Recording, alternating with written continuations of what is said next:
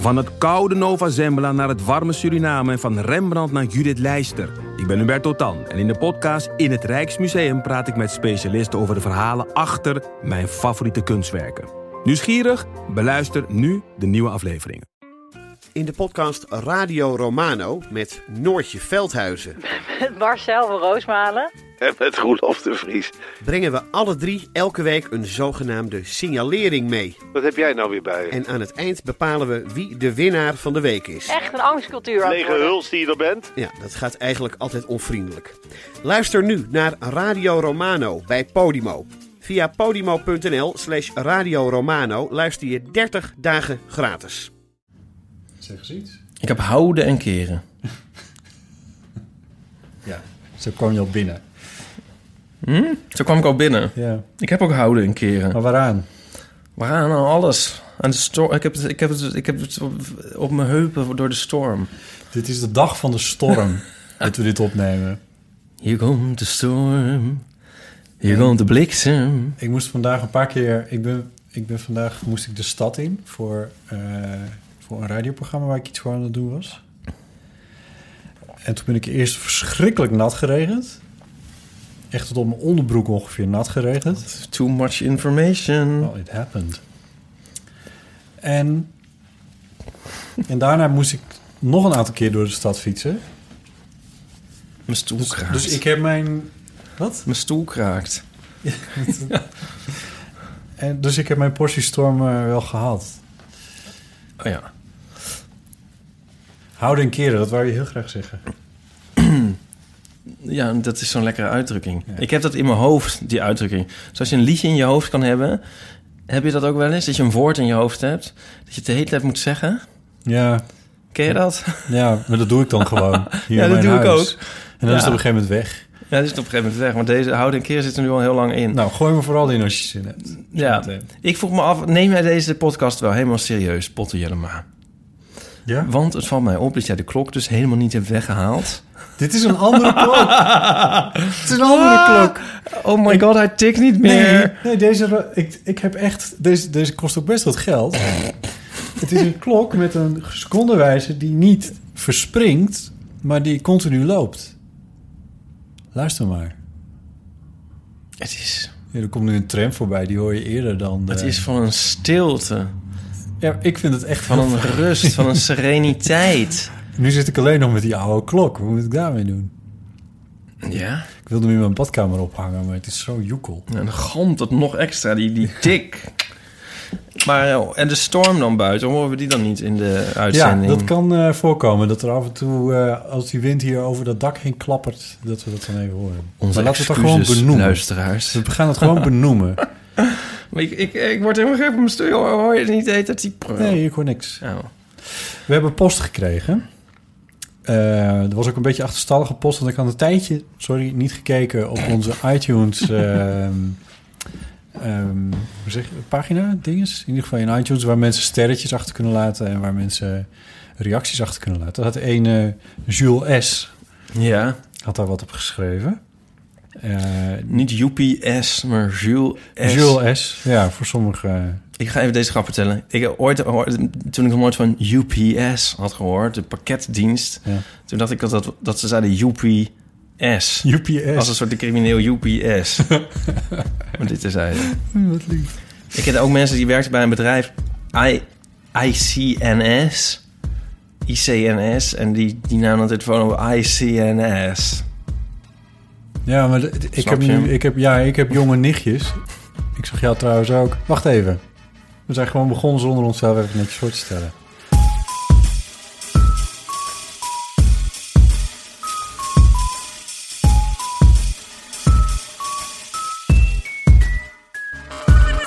Welkom bij de Eeuw van de Amateur, aflevering nummer 26. Dit is Ipe Driessen en Botti allemaal. Ik, ik ben dus Ipatrice, dus Ja. dat, laten we daar even geen misverstanden over Ja. laten ontstaan. Je zit ook een beetje op rechts. en ik gewoon een beetje naar rechts. Daar kunnen we het over hebben, de verkiezingen. Nee, oh, jij wilde iets zeggen over Jules, Jules S. Ja, ja, ja. Nee, over je Alles loopt- nichtjes. alles loopt weer door elkaar. Maar eh, neefjes en nichtjes, die, die heel klein zijn, die... In de, ik, had dus een, ik was van de week... eh, was ik eventjes met, met mijn nichtje van vijf aan het spelen. En die... die vertelde iets over haar school en dat ze ineens had ze het over de, de BSO. Mm. En, en de BSO, ik wist niet zo goed wat de BSO was, totdat ik BSO begreep. Mhm. En toen was het de buitenschoolse Ja. opvang. Maar dat zegt een kindje van vijf natuurlijk niet. Dus die zegt gewoon BSO. Ah ja. Ja, ja en, en tien is op de B en zo, hoe dacht jij? Of is dat niet? ja zoiets. Dat is BSA, maar Oh. inderdaad, ja. nee, ik dacht dus niet aan een afkorting. Want kindjes denken natuurlijk niet in Nee, afkortingen. precies. Dat worden gewoon woorden, zoals UPS en eh eh, zoals uh, YouTube. Dat is ook zo eentje. Dat is natuurlijk geen afkorting, maar ze heeft het steeds over YouTube. Ja, ze is vijf, dan mag Ja, dat. ik heb mag, Dat is ja. superleuk. Heerlijk. Ja, we hebben post, ja. Van ene Jules S. Eh, die schrijft onder de titel... eh, eh, die, die heeft als, als onderwerp heeft zijn reactie... Ipe en Botten zijn de Bert en Ernie van de podcastwereld. Wie ben ik dan? Nou ja, Bert, denk ik. Maar ik weet niet goed wat dat betekent. Nee, jij bent Bert natuurlijk. De... Ipe en Botten zijn de Bert en Ernie. Anders had hij wel geschreven... Nee, Botten en Ipe het zijn gaat om de cadans. Het is Ipe en Botten en, en, en Bert en Ernie. Onze Ernie, podcast- Er- ik zeg helemaal niet? Ernie, Ernie. Onze podcast die heet eh, de, eh, Botten en Ipe. Dus ik heb mijzelf voor aangezet. Hoezo heet hij? Hij toch de eeuw van de amateur? Ja, maar dan maar de, de, de serie van met ons tweeën, die heet dan eh, die heet Botten en Ipe. Nou, dat, dat klinkt niet. Nou, ik heb het ik heb het afgekeken van jouw vroegere boekjes toen jij samen met Willem was. Dat was Ipe en Willem. Dus toen dacht ik, ik mag mijn eigen naam ook wel voor aanzetten. Ja, maar dat heette Ipe en Willem. waar, eh, om dezelfde reden dat wij Ipe en Botten zouden moeten heten. Dat loopt beter. Niet Botten en Ipe, loopt toch hartstikke... Waarom loopt dat niet? Dat loopt, dat stokt. Waar? In het begin al, meteen al. Die I, dat is lekker om mee te beginnen. Die komt er lekker in met een klinker. I, De P is lekker stevig. Ipe en Botten. Eh, toen... ehm Ik vind het echt hoor. Het gaat mij niet om dat ik e- eerste wil staan. Ken je het programma Jongbloed en Joosten nog? Ja. Nou, die hebben uitgelegd waarom het Jongbloed en Joosten is en niet Joosten en Jongbloed. En die zeiden, want anders krijg je Maar voor mij hoef je dat Jo- niet uit te leggen. Want Joosten en Joosten Ja. en dan krijg je twee keer EN. Joosten Ja. en Jongbloed. Dus eh, daarom werd het Jongbloed en Joosten. ja, dat hoor je toch meteen. Maar Ipe en Botte, qua eindga- uitgang maakt het helemaal niks uit. Ja, maar toch is het lekkerder om te zeggen Ipe en Botten. Zullen we weer een poll overhouden? Ja, Jules, hij schreef dus... Ipe en Aniek is het ook. Mijn zus is Aniek. Het is ook niet Aniek en Ipe. Ja, Ja. het is Ipe en Aniek. Ja, het is ook Jip en Janneke. Het is gewoon... Ipe moet gewoon vooraan. Nee, je bent, Maar goed, ook, je bent en- ook ouder. En Bert en Ernie. Hoezo, hoezo zou ik Bert zijn in vredesnaam? Ik ben toch duidelijk Ik kan- Ernie? Ik ken die twee toch weer uit elkaar. Dat, is, dat is al heel erg iets Bert-achtigs om dat dan weer niet te weten. Maar goed, oké. Mag Paulien niet een vast plekje aan tafel? Dat vraagt Jules. Ik vind het een goede vraag. Eh, het lijkt mij heel erg leuk, maar Paulien heeft ook nog een leven met een kindje. ook nog wel wat En, beters te eh, doen, eh. Ja. wat ze wel wilde, is ehm, eh, nog een keer langskomen. Echt? Ja, en dat vind ik ook leuk. En ik heb ook wat krediet opgebouwd. Weet je wat ik heb gedaan? Nou. Ik heb een echt gebeurd verhaal verteld. Oh ja, dat heb ik gehoord. serie. Ja, In ehm een schrijnend verhaal. Schrijnend verhaal natuurlijk, want ja, het ging over mij. Ja. Ik heb op, in Toemler op het podium gestaan. ja, wat stoer. Dank je. Ja. Het was best eng. Want je mag namelijk niet met een papiertje daar staan. En ik kan best teksten voorlezen en zo, maar ik heb altijd, echt altijd papier bij me. Jezus, mag niet met een papiertje. Ik had, het, ik had er bijna gestaan en toen is mijn verhaal weer afgeschoten. Oh, je verhaal is afgeschoten. Nou, ik paste niet zo bij het onderwerp. Oorlog en vrede. Nee, het, wat, wat was het onderwerp? Ehm, Goede namen. nee, het ging over eh, be- be- bekeerd worden of zoiets. Oh ja, ja, ja, die hadden ze de vorige keer. Ja. Ja, In, eh, want jij, jou ging over de liefde eh, op de een of andere manier. Ja, ja, dat is een beetje gekoppeld aan 14 februari, Valentijnsdag. Was Ja. 19 februari. Kijk, daar zou ik wel een eh, avondvullend programma over kunnen doen. Sterker nog, dat doe je. Nou ja, in al je boekjes zit het ook al. Ja, maar dus dat bekeren, dat was wat minder geschikt. Dus toen hebben we nog een tijd... Maar goed, dat maakt niet uit, dat ging niet door. Ik wilde even... Ik bedoel, oké, leuk dat je dat hebt gedaan. Ik heb het gehoord. Ehm, we kunnen het ook in de show notes zetten. Jou echt gebeurd. Nou, hij sta- wa- staat het al online? Jou echt gebeurd. Ja. Oh, is dat niet het verhaal van dat je naar het eh, dat de ene hotel gaat? Ja, maar het- ik heb het net aangepast. Ik heb Oh. het net anders verteld. Ah, oké. Maar de, oh, de- en het komt in de, de podcast van Echt Gebeurd. Ja. Dus ik dacht, misschien heb je dat al gehoord. Nee, nee, ik heb gewoon dat losse ding gehoord van jou. Ja, het Maverpick eh, verhaal inderdaad. Ja. ja.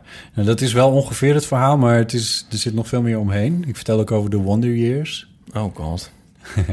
Ken je, ken je dat, de Wonder Die serie. Ja. Ja, ja. Ah, Met, met Marilyn Manson. Zat Marilyn Manson erin? Nee, dat, dat is...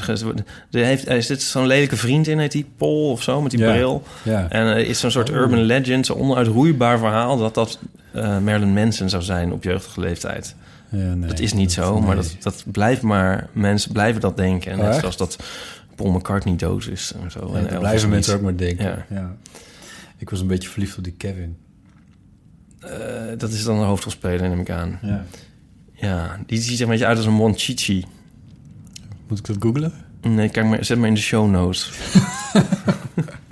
We moeten door. Wat, Ja. wat is er? Wat, eh, dus er was nog meer post eh, bij de bij oh, de nee, iTunes. maar Paulien, je had krediet opgebouwd. Maar ze kwam nog een keer. Was dit... eh, Nee, ja, dit- ze ik, komt dus kijk, nog een keer. Kijk, dus zo werkt het natuurlijk niet, maar zo werkt het ook weer wel. Van, eh, ik heb nu weer een haar programma op. Oh, nu moet zij dus weer nu bij komen ons. zij weer bij ons. en dan mag jij weer een haar programma. Ja, nee, maar het- ik wil natuurlijk niets liever dan dat zij nog een keertje zou Ja. komen. Precies. Jules, S.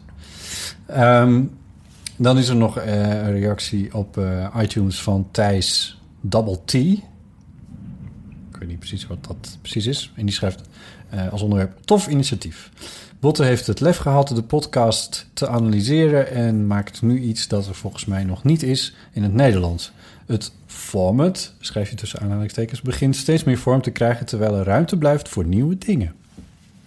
Heb je dit zelf geschreven? Nee. nee, nee, nee. nee. Het ene Thijs heeft dit opgeschreven. Is die We hebben knap? nu...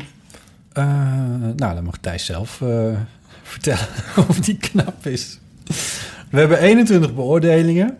Oh god. eh 20 vijf sterren en 1 vier sterren Meen je beoordeling. dat nou? Dat is toch hartstikke goed? Oh, dat is wat goed. Ik wil er meer. Dus als je luistert en je hebt eventjes niet zo heel veel te doen... ehm, ga dan even naar iTunes en geef deze podcast even een beoordeling. Ehm, er was nog meer post. Via onze... Valentijnspost? nee, via eh, de Facebookpagina zijn er nog eh, eh, reacties binnengekomen. Bijvoorbeeld de vorige keer dat we met Bram waren. Eh, toen schreef eh, Marieke Westra... Yes, een podcast met Bram. Uitroepteken. Goed gesprek. Ik begrijp de terughoudendheid van Bram, denk ik wel. Eh, wat, wat voor terughoudendheid? Zou ik niet weten. Of je nog een tweede kopje koffie wilde? Nee. Nee, op het podium was het volgens mij. Hij wilde niet meer zingen. Oh. Ja. Ja, ja, Oh. ja, want de volgende zin is... Is het niet zo dat iedereen het schaamrood op zijn kaken krijgt... bij het terugluisteren of kijken van werk van meer dan tien jaar geleden? Oh, dat is een interessante, want... Oh, ze bedoelt misschien... eh, ik zat zo te pushen van... eh, zet die oude troep nog eens online... waar Ja. je nooit iets mee hebt gedaan en zo. Dat zal ze dat misschien bedoelen. Ik denk het ook, ja. Ja. Ik, ik eh, denk afwisselend ehm, bij oud werk... Dat, van... God, wat was ik toch geniaal. Deze hoogtes heb ik nooit meer bereikt. Eh, afwisselend dat en... Oh, wat een troep. En eh, wat dacht ik wel niet. Jij, jij zit nu tien jaar oud werk door te spitten, volgens mij. Want, Ja. want jij bestaat tien jaar. Ja, maar dus dit De is... fotostrips. Dat, die beoor mijn beoordeling ervan is zo veranderlijk als het weer. En ik denk dat, dat de meeste mensen dat zullen hebben. Over werk van tien jaar geleden. Ja. Ik heb wel eens een repo van mezelf van tien jaar geleden... een radioreportage van tien jaar geleden gehoord. En daar schaam ik me diep voor. Ja? ja. Ik heb wel wat alles? geleerd, laat ik het Ja? zo zeggen. Ja. Ja, maar er kan dan dus... Het ligt er aan waar je net op, eh, op, op focust, denk ik. Want soms dan... Als ik dan even bij mezelf kijk... Ik kan heel erg naar kijken van... eh jongen, jongen, wat lelijke foto's... En, en wat slecht geacteerd en raar in beeld gebracht en bla, bla, bla. Maar... En dan denk je van, oh, slecht. Maar je kan ook net er iets in zien dat je denkt... oh, wat een geniaal grapje. Of een, een kijk of zo. Of iets fris wat ik nou niet meer heb. En dan, dan denk je weer van... oh nee, ik ben juist iets kwijtgeraakt. Oh, Maar dat- ja. Maar dat, en, dat, en volgens mij... Als, en je kan hetzelfde ding weer bekijken... en dan als je op een ander moment... dan op het ene moment vind je het goed, het andere niet. Wat ik ook heb met verswerk trouwens. ja. Heb je dat niet als je dan een repo luistert... en dan denk je misschien, oh wat slecht. Maar misschien als je hem, als je hem nu eh, terug zou luisteren... dat je denkt van, oh toen had ik nog wel een gretigheid... die ik Ja, nu die wel is, mis in die mijn is echt wel weg, ja. Ja, nou... Nee, dat is niet waar. Nee, die gretigheid heb ik nog steeds. Oh. Ik vind het nog steeds, en ik vind het nog steeds tof om op de radio te komen. En ik vind het nog steeds tof om, eh, eh, om mensen dingen te vragen. En ik vind nog steeds... Ja, editen vind ik iets minder tof. het was maar een voorbeeld, hè, Nee, maar- maar... ik snap wel wat je bedoelt. Want dat, dat is natuurlijk wel zo. Want alleen zie, hoor ik bij mezelf veel meer onhandigheid en naïviteit. Maar dit kan toch ook juist leuk zijn? Dat je denkt, toen was ik nog spontaan. Ik herinner me vooral één, heel, één ding heel erg. Dat ik in, de- in de begintijd, dat ik toen bij Radio 1 eh, dingen maakte... eh, dat ik ehm, eh, bijvoorbeeld hele letterlijke muziek onder... Oh ja. Dus als het dan over geld ging, dan kwam er... Money! Money onder, inderdaad, ja. ja, dat soort dingen. Ja. Ja. En dat, dat, dat, nou, dat heb ik misschien de eerste paar maanden gedaan... en wel eens het commentaar van collega's opgekregen. Maar dan zeg ik van, nee, nee, maar dat is juist... eh, is lekker duidelijk. Goed over nagedacht. Ja. Dat ik echt, echt, dat ik nu denk, dat ik denk van, ja, dit, dit is echt is zo amateuristisch. Ja. Ja. Nou. Eh, maar Marieke was nog niet uitgeschreven. Oh. Ehm, schaamrood, ik terugkijken of luisteren van werk van meer dan tien jaar geleden. Is het niet gewoon volwassen worden en daardoor verder groeien? Verder is het jammer dat we nu niet weten hoe oud Botten wordt in februari. Ja, dat is al gebeurd, dus dat zullen we nooit Ben weten. je jaren geweest? Een goede journalist. Ben je jaren vertelt- geweest? Ja, toch Wanneer? altijd de waarheid tot de volgende podcast. Wanneer ben je jarig? Dat heb ik de vorige keer verteld dat ik binnenkort jarig zou worden. Wanneer was je jarig? Ja, kort geleden. Ergens tussen deze en de vorige podcast. Ik wil het er ehm, niet over hebben. En toen heb je niks... ge- Ik had het sowieso te druk om, om een feestje te vieren. En dat is geen smoesje. Nou, En toen heb ik je dus niet gefeliciteerd. Nee. Dat, Ik heb... Nou, dat was wel nou? leuk. Want, dan ben je eh, toch wel een soort kluizenaar? Je hebt een soort tante Lies ben je. Ik, nou, kijk... ehm, ik, had, ik had... Dit klinkt, heel, dit klinkt heel pedant, maar het is echt waar. Eh, ik maak namelijk ook de, de podcast met Ernst-Jan Kluppingen. eh, Ernst-Jan Klupping. Ja, ja, ja. en Alexander Ja, Fout. ja, nee, ja. Alexander Klupping en Ernst-Jan Fout.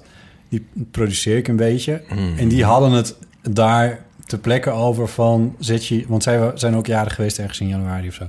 Zijn zij één eh, entiteit? Zijn zij samen nou, jarig? er zit volgens mij drie weken tussen hun verjaardag... Oh. maar nog wel een extra één of twee jaar. Zo. Maar, goed, dat doet er niet toe. Wat ze het over hadden was... zet je op Facebook... laat je op Facebook de datum dat je jarig bent eh, zien. Ja. Of je, je, je geboortejaar ook laat zien is nog wat anders. Maar Ja. als je dat laat zien, dan geeft Facebook een berichtje aan al je vrienden Ja, ja. van... hé, hey, hij is jarig.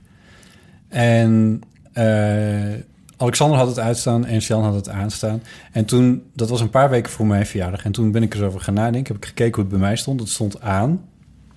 Dus dat iedereen de dag van mijn verjaardag kon zien. en dat weet ik ook wel. Daar moet ik ook niet onnozel over doen. Want vorig jaar heb ik iets van... eh, dan krijg je echt honderd berichtjes van gefeliciteerd. Zo. En dat vond ik eigenlijk ook wel leuk. Nou, 100, 100, 100. Nou ja, Nee, gaf je, oké. Maar best wel, best Ja. wel veel. En, en, en, Nu had je hem En uitgezet. dan was ik best wel een beetje door ontroerd. Oh. En ehm, want dat zijn toch mensen die even aan je denken. Maar toen dacht ik, eigenlijk heeft Facebook aan me gedacht. Maar ja, wat is ook het verschil tussen een Facebook en een wc-kalender of zo?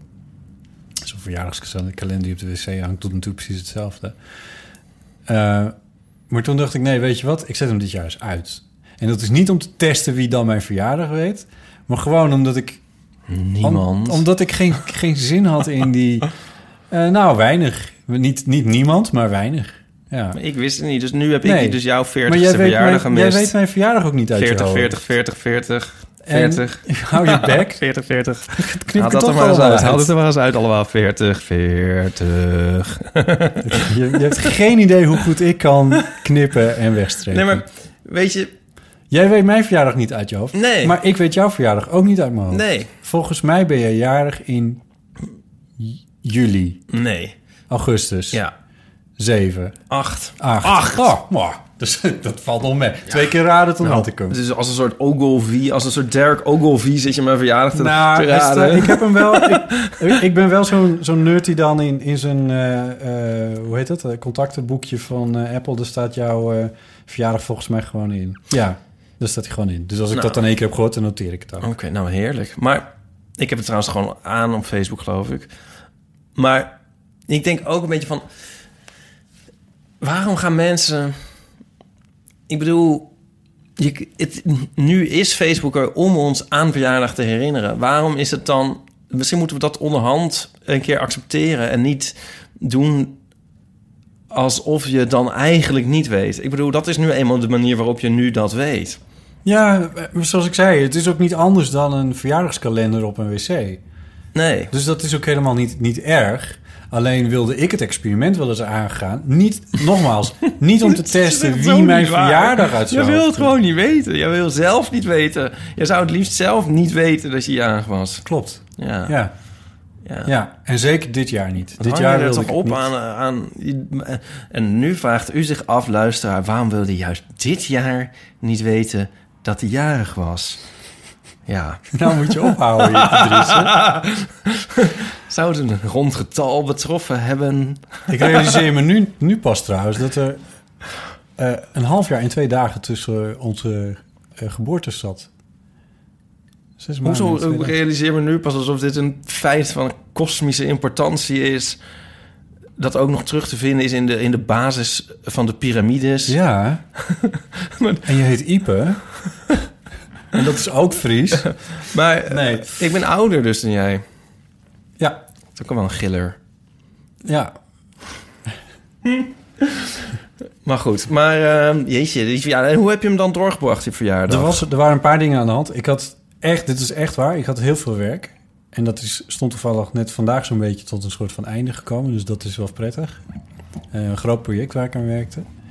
Ehm, dus ik had die dag gewoon een interview staan. En ik moest gewoon aan het werk. En ook echt, ik ben tot... Het is niet zo, zijn wel, dat komt voor hoor, dat mensen werken op hun verjaardag. Ja, ja, Ja. nee, maar, Ja, Ja. dus dat. eh, eh, nee, maar ik, en, en ik, maar ik had ook geen, geen tijd en ook geen zin om, om een feestje te organiseren. Wat dan ook. Maar. en s'avonds, En het, het klopt wat je zegt, van ik wilde het ook niet zijn. Ik wilde niet jarig zijn, want ik was nog niet klaar met mijn vorige leeftijd. nou, nou ja, daar kun je van alles van vinden, maar dat, zo voelt dat. Eh, en ehm, ja, ik weet niet, dus ik, ik, doordat, het, doordat het ook van inderdaad een, een, een rond getal was, was het, betekende dat ook meteen weer van alles. En dan wilde ik helemaal, ik had echt geen zin Dat om daarover na te denken, om daar dingen bij te voelen. Nou, Oké. Dus toen heb ik het gewoon uitgezet. En volgend jaar zet ik het wel weer aan en dan wil ik al die berichtjes wel weer hebben. Maar Ja, nou ja, Ja. dat dus. ja. Eh, even kijken. Er was er nog een reactie van Kitty Bons. Het klinkt toch ook als een... een Je wel, naam. doet wel aardig tegen onze Ja, maar luisteraars. het klinkt als een naam uit een kinderboek. Van Anja M. G. Schmid of zo. Kitty Bons. Een, een, een, een, een soort gekke buurvrouw of zo, toch? Kitty Bons. Nou, dat eens best een psycholoog kunnen Nou, of, zijn. of, of Kitty Bons klinkt als een soort eh, iemand die in de chocoladefabriek ook wordt rondgeleid. dan maak je het ook kinderachtig. Kitty Bons. Dat hoeft natuurlijk helemaal niet. maar Bon- ja, de Bons. Ik zie er zo stuit. Oh, sorry, ik knip dit er maar uit. Maar vind je niet? Kitty Nee, Bons. ik heb, dat, ik heb die associatie helemaal niet. Nee? in Hilversum op, dus op allemaal redacties waar, waar, waar, waar die, waar ze allemaal Kitty Bons heten. Oh. Nou, dat is ook niet aardig. Kitty, Oh, ik vind het heel aardig dat je hebt Sorry, gereageerd. en ik ga nu je Bons, gewoon, zie ik gewoon... Oké. Je moet aardig doen. Ja, ik probeer aardig te... Dat is altijd nooit wat. Nee. Ik ben eindelijk aan de moeilijke podcast met de moeilijke naam begonnen. En dat was best leuk. Goed bezig, mannen. Ik luister trouwens op Android altijd via Podcast Addict. Eh, ook geen goede interface, maar wel met suggesties. Als je ze weet te vinden. Ehm, ik zeg trouwens ook vaak tegen niet geïnformeerde mensen dat ik veel radioprogramma's luister, omdat dat toch minder stom klinkt dan podcast. Groeten en doe zo verder. Kitty. En toen zei ik, oh, moeilijke, moeilijke podcast met een moeilijke naam. En toen zei ze, nee, ik bedoel niet letterlijk moeilijk, maar eh, dat het format niet absoluut blijkt uit de naam. Eh, en dan ga ik uit gemakzucht toch iedere andere podcast luisteren. Misschien heb je nog een goede binnenkomer nodig. Ja, dit is wel een beetje... Heeft, ze heeft wel een beetje gelijk in natuurlijk. Jules, Jules S. zegt altijd tegen ons dat we, of tegen mij dan, dat we onze podcast moeten segmenteren. Dus duidelijk naar het volgende stukje gaan. En dan weet je ook een beetje waar je bent gebleven. Als, Met, met een tune en een... Ja, o- o- zoiets. Of, of, of al, al zeg je het maar. Nou, we zeggen wel eens, we gaan naar de krant van vorige maand. Oh. Maar ehm, als we dat iets meer zo ehm, in stukjes opbreken... dan heeft de luisteraar wat houvast. Ja, Dat kan natuurlijk wel. Maar dat is, ik vind het ook wel leuk dat het een soort eindeloze stream of consciousness is. Ja, Zonder kop of staart. nou kijk, die, die zit er sowieso wel in. Ik, ik, misschien is dat wel een goed idee om het wat meer te segmenteren. Ja. Dan ronden we nu de, de, de binnengekomen post ron- ronden we af. En ik roep iedereen op om vooral te reageren. Ofwel in iTunes, ofwel eh, via de Facebookpagina van de Eeuw van de Amateur. En dan zal ik geen namen meer belachelijk maken... want dat is natuurlijk heel kinderlijk voor mij. Ja, ik kan het sowieso niet doen, want als je Botte Jellema heet... mag je nooit meer een grap over een naam maken. En ehm, eh, mail naar botte.bottejellema.nl. Dat kan ook. Dan komt hier een tune. Ja, En dan komen we in Ipes boekenrubriek. Nu Want je al? hebt verdorie weer een boek op tafel gegooid. oh ja. Ik wilde dat eigenlijk voor meer... Ik wilde dat... Ja, dan gaat het gelijk mis met het segment. Ik dacht dat nog even uit te stellen. Oh, oh, oké. Ja. Dat is goed. Wil je eerst de krant doen? De krant... Of ik kan over Parijs vertellen. Ik was in Parijs. Ja, anders hebben we weer een rubriek. Eerst Ipes reisrubriek. Ik kan, ik kan ook nog een bruggetje verzinnen, want ik, ik heb zoveel knoflook volgens mij gegeten dat ik nu zelf daar last van heb. Dat ik denk van... eh ik ruik, ik ruik Jezus, niks. wat ruik ik naar knoflook. Ik ruik Oh, niks. Nee, echt niet? Nee, echt heel goor. Ja. Ah, oh. Ja. Maar ja, en eh, dus dat doet me eraan denken. Ik was dus net in eh Bij die knoflookveters. Ja, wat een soort... Zijn dat nou Italianen of Fransen? Nou, de Engelsen vinden denk ik dat het de Fransen zijn. Ja, maar dat, ja. Ja, en ehm, ik wilde graag een stelling poneren... in de hoop dat jij het er dan mee oneens bent... en dan kunnen we het daarover hebben. ja. Je Maar- moet, hebben we dan, heb je dan al de omballingen ook verteld? In de zin van dat je, dat je daar was in het kader van 14 februari, Valentijnsdag... en dat je er samen met eh, jouw eh, geliefde Nico was? Nee, want, want eh, dat is een, ik was daar wel 14 februari... maar dat was niet de, dat was nou niet de, zeg nou dat? romantisch. Oh ja, ja, nou ja, god. Nou, het, het is toch meer wat jij daarin wil zien, Een maar... foto onder de Eiffeltoren. Ja, dat is waar. hartjes overal. Nou, Ja, dat is waar. Het was hartstikke leuk om dat te volgen op jouw Instagram. Je kan Ipe volgen op Instagram. Je stelling. Mijn stelling is... Frankrijk is het Amerika van Europa. Van Europa. Ja, je hebt eh, eh, aanvankelijk eh, één minuut om te reageren. Dan gaan we weer naar mij. Oh god. ja, maar dat vind ik veel te algemeen. Geografisch klopt het al niet. Het is wel een groot land. Op welk gebied bedoel je dan? Nou, ehm, Qua menssoort. qua... Zij hebben een enorm... ehm, ja, dus, zijn veel dingen. Nou, het eerste wat ik nu aan moet denken... is dat zij een enorme hang hebben naar ehm, veiligheid. Het is eigenlijk best wel een militaristisch land. Ja, nu wel. Ja. Je was in Parijs. Ja, maar dat is niet. Dat is altijd. Kijk, Frankrijk heeft ook de kosten van alles. eh, Bijvoorbeeld een eigen atoomwapen willen ontwikkelen. En ehm, dat zit er al heel. Hebben ze dat trouwens? Ja. En weet je wel, die proeven in Algerije hebben ze Ah, gedaan en later in atol. En die, die atolls ja. inderdaad. Ja. Maar dat hebben ze zelf ontwikkeld, hè? Dat hebben ze niet van de, van de Engelsen en de Amerikanen gejat Ah. of gekregen. Ze wilden dat per se zelf. En het zit heel diep in ze. En je hebt bijna het idee... Want dat, nou, dat moet ik dan even vertellen. Wij waren daar dus nu een weekje. Overal eh, liepen militairen en ehm, ja, met getrokken uh, mitrailleurs. En dat is natuurlijk in verband met de aanslagen. En er heerst ook gewoon een noodtoestand. Maar op de een of andere manier ehm, heb je het idee van... ehm, ja, het past er wel bij. Bij, die, bij, die land. Fransen. Bij die ja, Fransen. Ja, ja. Ehm, Maar waarom dan? Waarom past het er zo bij?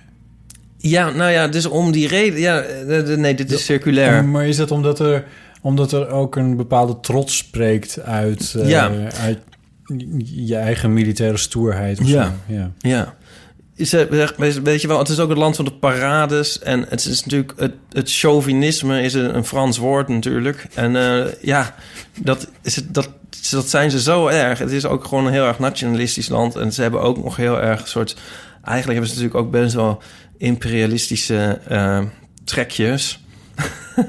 Ja. En ehm, op de een manier lijkt het wel alsof... Ja, ik weet het niet. Het is, misschien is het wel interpretatie. Maar in ieder geval, ik vond het op de een of andere manier eigenlijk heel gepast... dat die militairen daar liepen. Ik dacht van, ja, nu zien we eigenlijk wel een echt soort Frankrijk. En je, dat is ook iets wat je in Amerika kijk je daar ook niet van op. Nee, eh, maar in Groot-Brittannië kijk je er ook niet heel erg van op. En ik ben nog nooit in Rusland geweest, maar ik kan me ook Ja, maar- eens bij Moskou voorstellen dat het daar vrij gewoon is. Mm, nou, dat laatste weet ik niet. In Engeland was ik in ieder geval in de zomer een hele week... en ik heb er geen één gezien. En dan bedoel je een militair Ja, op straat met ja. een Kalashnikov Ja. of iets. Ja. Ja. Geen één gezien. En... ehm wat noemde je nou? Noemde je nou nog een land? Eh, Groot-Brittannië en Rusland. Ja. Maar goed, dus en ik bedoel, in, in Denemarken zie je ze ook niet. Maar ik zie daar in ieder geval een soort overeenkomst tussen. eh, en ik, bedoel, een douanier is natuurlijk ook een Frans woord. Dat vind ik ook. Het is ook eh, toch echt wel een land van de douaniers. En eh, je, wordt, je moet nu weer je paspoort laten zien. En ehm, dat deed me toch ook denken ja, aan zo'n chagrijnige douanier. Maar dat is een, natuurlijk een tautologie. Of een pleonasme, dus eh, stuur maar weer brieven. En eh, dat deed me ook weer zo denken aan binnenkomst in eh, Amerika, weet je wel. En dat je dan bij de gratie gods mag je dan dat land in. En als je, maar als je verkeerd kijkt naar, naar, naar zo iemand daar Ja. bij de grens... Dan, nou, dan ga je weer op de eerste vlucht naar huis. Ehm, dus dat is één. Ja. Wat, moet, moet ik nog verder gaan of was het wel genoeg? Nou ja. Amer- het Amerika van Europa, zei je. Ja, De Fransen schikken zich er trouwens ook heel erg naar, heb ik het idee. Je moet ook bij alle winkels bijvoorbeeld je tassen laten openen. staat van beleg waar die Ja, verkeren. ja. Ehm, je jas, eh, je jas Winkels? openen. Ja. Ja. Met poortjes en zo. Nou, er staat er bij grote winkels staat een eh, beveiliger of twee. En ehm, bij winkelcentra is bijvoorbeeld nu nog maar één. eh, en bij gro- andere grote winkels is dan nog maar één ingang open. En eh, dan word je gewoon voortdurend eh, gecontroleerd. Ja. Ja. En jij hebt het idee dat de Fransen dat eigenlijk wel fijn vinden. Nou, ik vind het op de een manier dus passen. Ja. En het, ik weet het ook nog van een aantal jaar geleden in het, het stripfestival van Angoulême. Een hele kleuterklasse Wat in Parijs is. in Frankrijk is. Niet in Parijs? Oh, nee, Angoulême is een stad. Oh, sorry. Ja. ik dacht eh, dat het festival zo heette. Nee, nee, nee. Dus, eh, en een hele kleuterklasse, die moesten ook... Al die kindjes moesten dan ook hun tasjes openen. Die Oh. worden ook zo opgevoed. Ja. Ja, maar, ja, maar het is toch een beetje... Ja. Ehm, iets anders wat, wat, wat mij heel erg opvalt... is dat die, die enorme kloof tussen arm en rijk daar. Mhm. Dat is toch ook wel Maar dat is wel een interessante, want, dat, want Amerika heeft natuurlijk eh, een veel... eh, ja, liberaal zou ik zeggen, maar dat is het woord niet. Het is eigenlijk conservatief-liberaal. Ehm, eh, een, een eh, politieke houding. te- terwijl Frankrijk een veel meer eh, socialistisch... Ook, misschien ook wel conservatief, maar socialistische houding heeft. Ja, maar ik heb het idee dat ze... maar, eh, ja, maar, maar elke socialistische president eindigt toch in een soort... in een bizar paleis daar natuurlijk. Ja, dat is wel waar, ja. En ehm, je hebt er toch wel een elite... Het is een soort socialistische eh, elite of zo... die dan, dan toch eigenlijk dat... In ieder geval ehm, van heel veel gelijkheid is niet echt sprake als je dus... ehm, Maar hoe heb jij, want je bent dan, hoe- heb jij de, het verschil tussen arm en rijk daar gezien dan? Nou, het is eigenlijk... Het is, we, we, ehm, daar mag ik me dan zo over kapitelen. We vlogen naar Charles de Gaulle. En eh, dan zit je nog een... eh dat zal zijn 40 minuten in een eh, soort metrotrein naar het centrum. En de 30 minuten ervan rij je dan door een soort sloppenwijken eigenlijk. Hmm. En ehm, nou waren er ook wel net rellen in die sloppenwijken toen. Of ja, ik- zo noem ik ze maar. Ja, banlieues. Maar dat is eigenlijk gewoon een mooi woord voor... Eigenlijk alles in het Frans klinkt altijd mooi, hè? banlieue. Maar dat is... Ja. Maar... eh, Ik weet niet stond- de letterlijke vertaling daarvan is trouwens. Maar er stonden dus ook echt gewoon eh, uitgebrande eh, bussen in de straten. Serieus? ja, ik keek me toch wel van op. Ja, ik ben er nou niet eens uitgestapt om heel erg uitgebreid polshoogte te gaan nemen. Maar je ziet echt... Voorst, voorstad is een banlieue. Ja, Maar ja, goed, we, we denken daar inmiddels wat anders dan... We denken niet aan, aan eh, voorhout of zo, als we nee, banlieue denken. nee. Nee.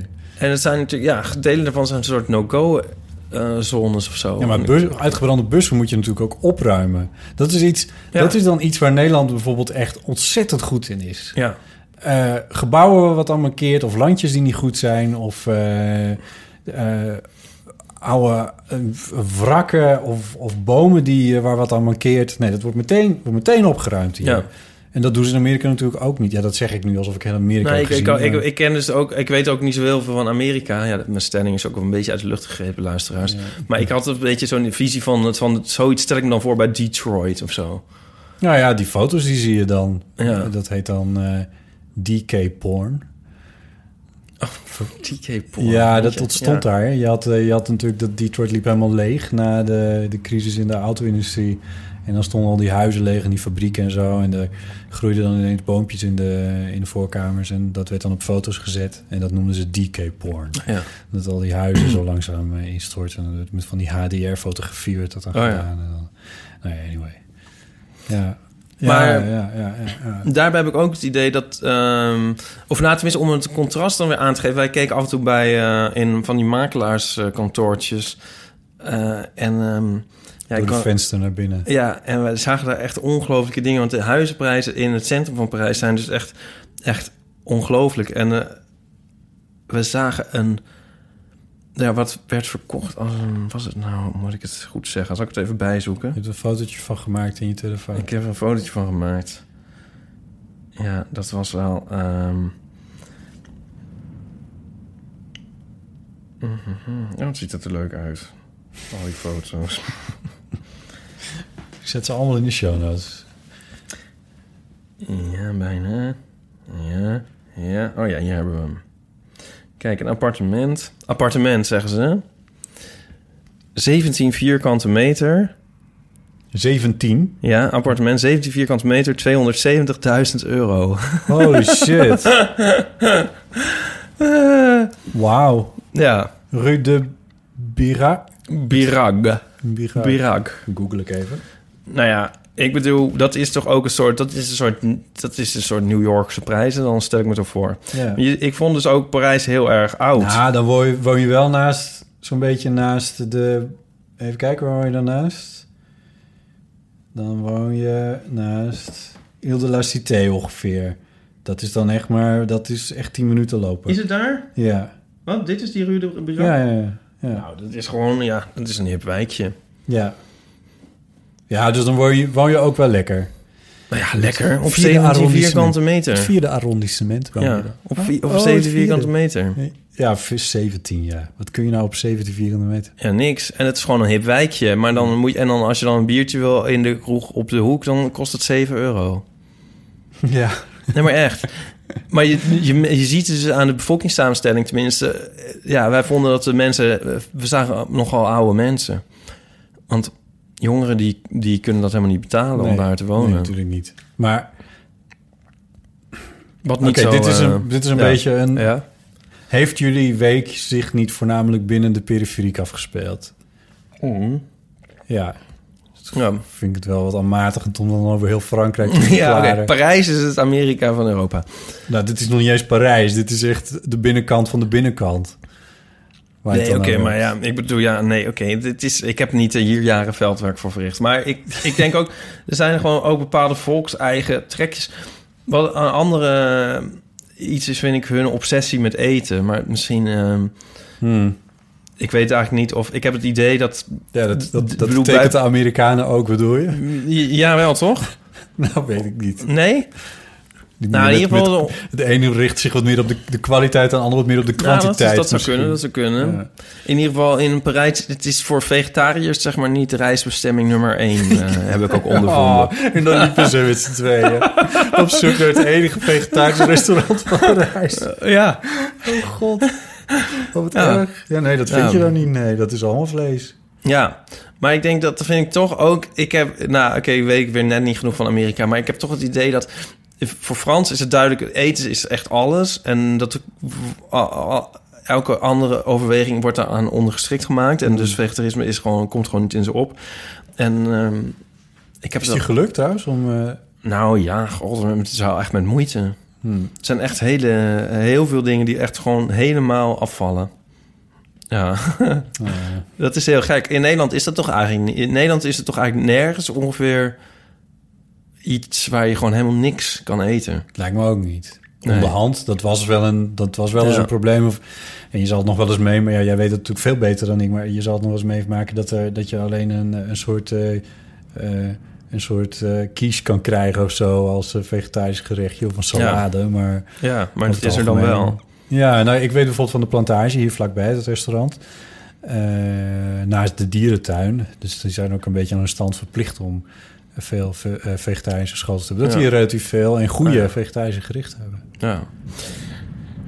Maar ehm, nu klinkt het misschien alsof ik het helemaal niet leuk vond. Dat is ook weer niet zo. Maar ehm, Je, je keek er wel een beetje tegen op van tevoren. Nou, ik, omdat ik denk... dat is geheim, nee.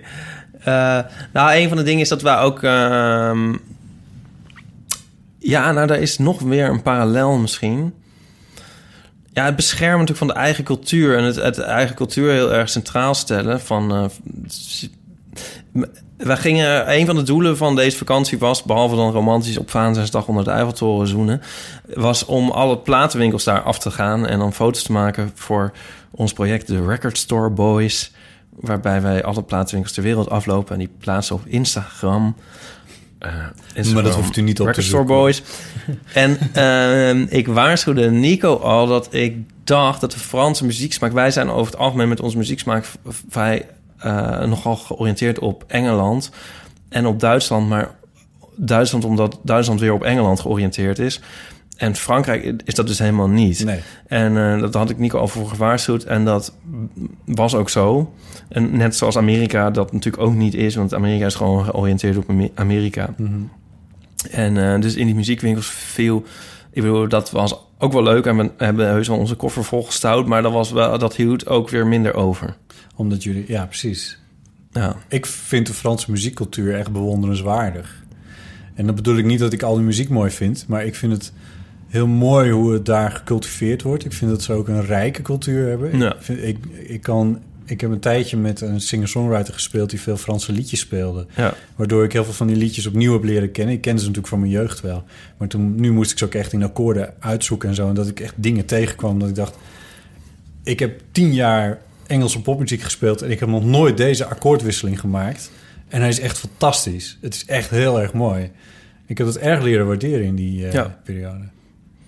Nou, daar zit weer wat, daar zit wat in. Daar zeg je wat. Ja. En er valt voor, ook wel iets te zeggen voor het, eh, voor het beschermen van je eigen cultuur. En ehm, wat Frans bijvoorbeeld ook... Alleen in de muziek is het net niet helemaal mijn smaak, zeg maar. Maar, dat, maar ik vind, je hebt gelijk dat dat, dat dat op zich lovenswaardig is. En wat namelijk ook heel opviel, was dat ze heel erg veel boekenwinkels hebben. Hmm. Ehm, maar echt veel. En die verkopen dan ook uitsluitend Franstalige boeken, natuurlijk.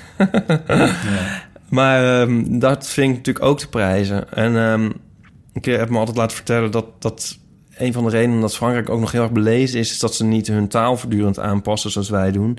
En dat alles gewoon eh, eindeloos mee kan blijven gaan. Want in die boekenwinkels zie je dus ook echt, eh, dus heb je ook echt Baudelaire en zo. En weet ik veel wat. Daar hebben ze niet alleen maar Herman Koch op een stapel liggen, maar dan heb je echt, eh, echt Camus en zo. weet je als, wat? je, als je naar het spui gaat, naar Atheneum... dan heb je toch ook wel... Nou, is dus A is er amper eh, het Atheneum. Ik bedoel, ehm, wat we, nee, maar we hebben vri- vrij, we hebben echt weinig boekwinkels in Amsterdam. Ja, een, een enkel antiquariaat. Maar dit- dit- dit- vind je niet? Nou ja, ik weet het niet. Ja, misschien wel, maar... eh, En het is nou niet zo dat je er, daar, eh, Scheltema is een grote boekwinkel hier. Ja, maar die En- bijna niet kunnen bestaan. Nee? Inside information. Oh. Nee. En ehm, ja, daar kun je dus ook over. eh, dit- dit- ja. En Op die- zaterdagmiddag is er nog, nog niemand. Ja, is Ja. het zo erg? Ik hoor toch wel goede verhalen over de boekenhandel. Nou ja, ik Maar bedoel, ik, ik, ik, ik ben er graag en ik hoop dat het Ja. allemaal goed gaat. Maar het, zou leuk zijn. Ik heb toch wel het idee dat het in... eh, ja, ik bedoel, we zijn nou niet het meest belezen land ter wereld. Oh god, we gaan- kunnen een brug slaan naar... eh, Ja, ik denk het ook, ja. Naar je e-reader. Anyway. Zullen we, de- zullen we die Ehm, brug maar gewoon slaan? Of wil je meer over Frankrijk Zal vertellen? ik nog meer zeuren? Ehm, het is een heel mooie stad. Nou, nu hoort u het ook eens van een te ander. Een mooie stad om te zien. Rijd er vooral omheen. Hmm, ik, ja, hmm, ja. Nou, ik, ik, ik, ik, ik heb een haat-liefde verhouding met Parijs. Ja. Ja, ik vind het prachtig. Ik ben er... eh, ik vind het een hele, hele mooie stad, maar ik ben ook altijd heel blij om er weer vandaan te gaan. Ik dacht echt van, eh, ik, ik wil mij wel- Amsterdam. Ik, oh. ja, ik, ik dacht, ik wil nog wel eens terug... ehm, als ik miljonair ben of zo, dan lijkt me wel lekker. Omdat je dan net wat minder hoeft na te denken over wat je kan uitgeven. Ja, ik vind het gewoon een stad voor snops eigenlijk. Voor, eh, Hmm. en, Ja. ja. dat is toch wel een beetje. Ja, het is, dat doen, er wordt natuurlijk veel gezeurd over dat in Nederland dingen zo duur worden en zo. Maar je kan hier nog steeds... Voor 2,5 euro heb je hier eigenlijk overal wel een pilsje. En dat kun je veel vinden. Maar dat is in, in eigenlijk geen enkele van ons omringende grote metropolen is dat het geval. In Parijs lukt je dat niet. In Londen lukt je dat niet. Berlijn misschien nog wel. Ja, daar wel. Maar, eh, maar eigenlijk alle andere grote steden, vergeet het maar. Ja, en ik denk dat Amsterdam toch ook best wel gezellig is en open in vergelijking met. eh, Ja, dat geloof ik toch eigenlijk ook wel. En dat is ook maar, natuurlijk maar een zevende van wat Parijs is. ja, En, of Londen, maar een tiende van wat Londen is. Maar toch. ja. Ja. Jee, Amsterdam. Yay, Amsterdam! Ja. Ehm, nu gaan we naar eh, jouw boekenrubriek. Ja, of moeten we dan nu naar die krant? Want ik ben nou zoveel aan het woord geweest. We, we, hebben, we, zit- we hebben nog een kwartier. Oh, god. We wilden het deze keer binnen een uur houden. ik moet ook wel harder drinken van die is- heerlijke koffie. want De die krant is wel leuk. Oké, kranten? Ja, Krant. Ehm jingle, gaan we ja, bingo. refreshments. Eh, en dan ehm, eh, de krant van drie maanden geleden. De rubriek waarin we kijken naar wat er drie maanden geleden in het nieuws is... en wat er nu nog van over is. Ehm, Ja, ik knikte, maar dat ja, ze hoorde het luisteraars niet. Nou, ik denk dat ze het voelden. Ik pak en- nog wat koffie. Eh, koffie? oh, je hebt druivenkoffie, bedoel je? Ehm, de, de rubriek die ehm, behandelt... Vandaag is het eh, donderdag 23 februari. Dus we gaan drie maanden terug. Dan is het 23 november. Dat was een woensdag. 23 november 2016 hebben we het over. Wat stond er toen in de krant? De koning bezoekt het COC. Ah, Dat was hier in Amsterdam. En dat was, er stond, de, de NRC noemde het, ik heb de NRC weer bijgepakt. Die noemde het een historisch bezoek. En ik dacht, dat is het misschien eigenlijk ook wel. Ik weet niet precies wat het uiteindelijk heeft opgeleverd. Behalve een mooie foto.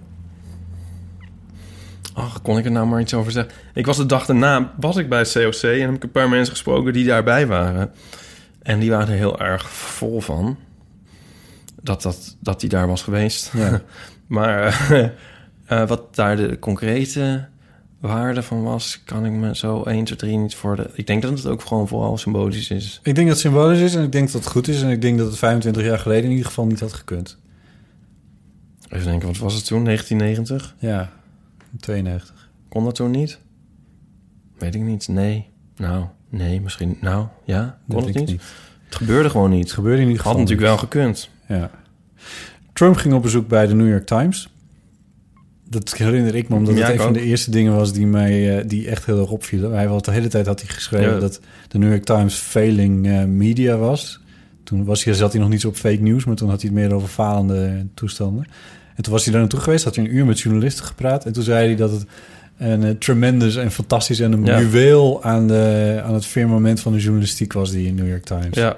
Hij heeft het toen ook wel een beetje ingepakt. Want ik heb toen ook weer die podcast geluisterd. Hmm. En was toch wel een heel Hoe heet die? die? Ja, die is nu gestopt, de run-up. Oh ja, ze hebben nu een andere Ja, naam. de Daily. Ja, precies. Maar als je daarover wil weten... dan ga je maar naar de podcast van Alexander Klupping en Ernst Fout. Je weet in ieder geval dat we het erover hebben gehad. Ik heb er inderdaad, ik heb er dus één geluisterd, Botten. Hmm, wat goed. Ja, waarin eh, Alexander Klupping een lans brak voor het NOS-journaal. Ik moet Ja. zeggen dat ik het best wel interessant vond. Mooi, gelukkig. Ja. Dat, ik, ik vind het, dat is, vind ik, ik vind het om veel redenen leuk om dat te maken, maar een ervan is toch echt wel dat ik het echt elke keer weer interessant vind. En dat als ik er niet bij had gezeten bij het opnemen, dat ik het toch zeker zelf had geluisterd. Niet omdat je Alexander zo knap vindt. Eh, nee. Oké. Nee, nee, nee, dat geloof ik toch niet. Hij heeft trouwens een onwijs leuke vriendin ook. Oh, ja, dat kan. Ehm, en het leukste is, en daar heb ik wat dingen over uitgezocht. Zie je, zo wordt deze rubriek toch nog. Eh, NRC publiceerde namelijk op die dag, 23 november, eh, die onderzoeksreeks naar hulptelevisie. Kun je dat herinneren? Ik herinner me namelijk dat ik dat las, dat ze dat aan het doen waren. En toen dacht ik, waarom zou je in godsnaam als grote krant... En ze spenderen daar werkelijk eh, volgens mij zes pagina's van hun krant aan. Eh, een onderzoek naar RTL-programma's die... eh, ja, hulpprogramma's noemen zij het. En dat zijn dan programma's als... Even kijken, waar hadden we het rijtje nou? Ehm, Help, mijn man is klusser. Nee, ja, maar wel in die categorie. Maar wat heftiger, een nieuw begin. Geef mij nu je angst. En herrie in de keuken en herrie in het hotel. Het zijn geen dingen die ik per se kijk. Ehm, maar daarin worden mensen geholpen met als ze... Als ze eh, nou ja, Geef me nu je angst is een programma voor mensen met eh, angst- en dwangstoornissen. De oude botten had nu dat liedje eronder gemonteerd. Ja, dat had de oude botten gedaan. De nieuwe kijkt wel link uit. Ehm, en het zijn programma's waarin mensen nieuwe gebitten krijgen... Ja, ja. En, eh, en, en hun eh, tieten verbouwen en, en flabbertjes van hun buik laten Eigenlijk alles wat ik de wegsnijden. afgelopen drie jaar gedaan heb. Ja, maar dan betaald door een televisieprogramma. Oh, shit. Nou, eh, maar er staat natuurlijk wel wat tegenover. Je moet het A, allemaal laten zien Ja, aan de nationale televisie. ja. Ehm, Maar wie weet het nog? Weet je, dat... Ik wie denk weet inmiddels... nog. Nou, het is... Je, je laat het zien, maar mensen zijn het ook meteen weer vergeten. En ehm het is heel random hoor, maar ik, ik toevallig laatst eh, eh, heb, heb ik tijdens een lunch eh, kwam het te spreken over de LPF. En toen gingen we oude LPF-mensen googelen en wat die nu doen. En ik bedoel, je zou denken dat, dat sommige van die mensen, zeg maar, in schaamte, die, die moeten toch minstens geëmigreerd zijn of zo, of nooit meer aan de bak zijn gekomen. Zoals Frank Masmeijer. Mm, Ja, LPF dus. Ja. Maar ik bedoel, heel, heel brand nawijn moest ik aan denken. Oh ja, ja. Nou, die, is, die werkt gewoon op een advocatenbureau. Ja.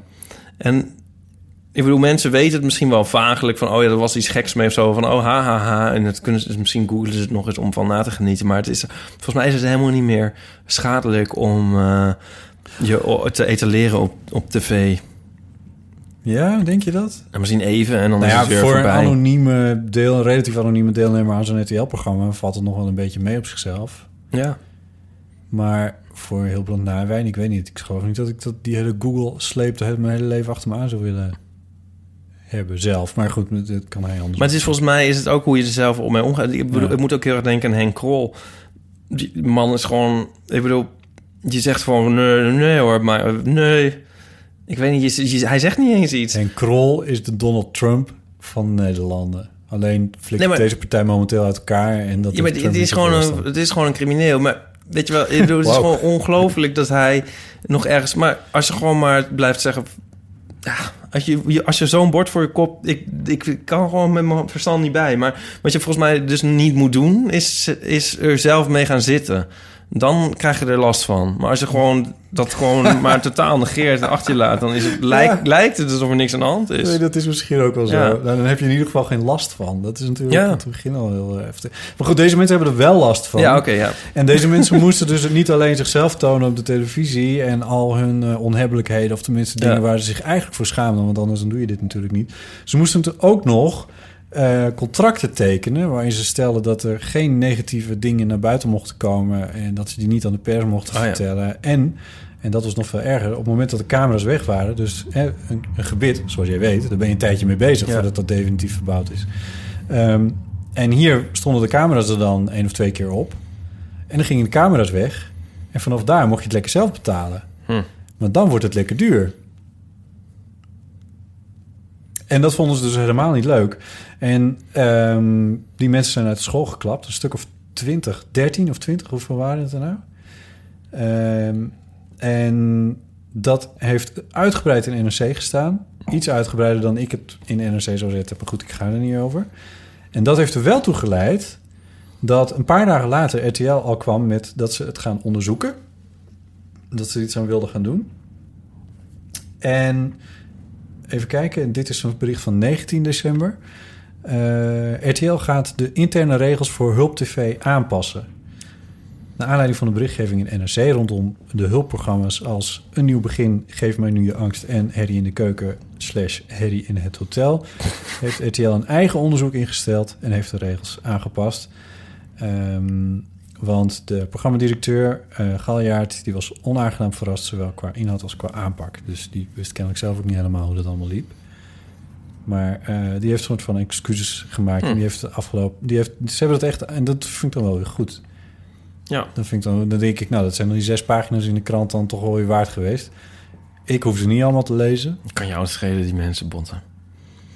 Nee, het kan me wel schelen, Ja, maar het werd heel... groot hart heb jij. Al die verhalen, al die twintig verhalen, die werden helemaal uitgeschreven. Van, van wat er dan precies over Waar ze allemaal precies- tijd voor hebben bij de NRC. Nou ja, ik weet niet of dat... Ik lees liever samenvattingen, maar dat is persoonlijk... omdat ik niet gedetailleerd hoef te weten hoe iemand zijn gebit verbouwt. Maar, Ja, dat vind ik nou juist wel interessant. ja, maar dat is omdat je er zelf een hele hey, geschiedenis hoe mee zou dat met onze tv-optreden gaan straks? Ja. Heb je er al zin in? Nee. Jawel, dat moet je niet zeggen. nee dat, maar, maar ik weet Wordt heel leuk. Ja, ik, weet, ik, heb het, ik heb het best wel druk gehad. En ik heb best wel stress.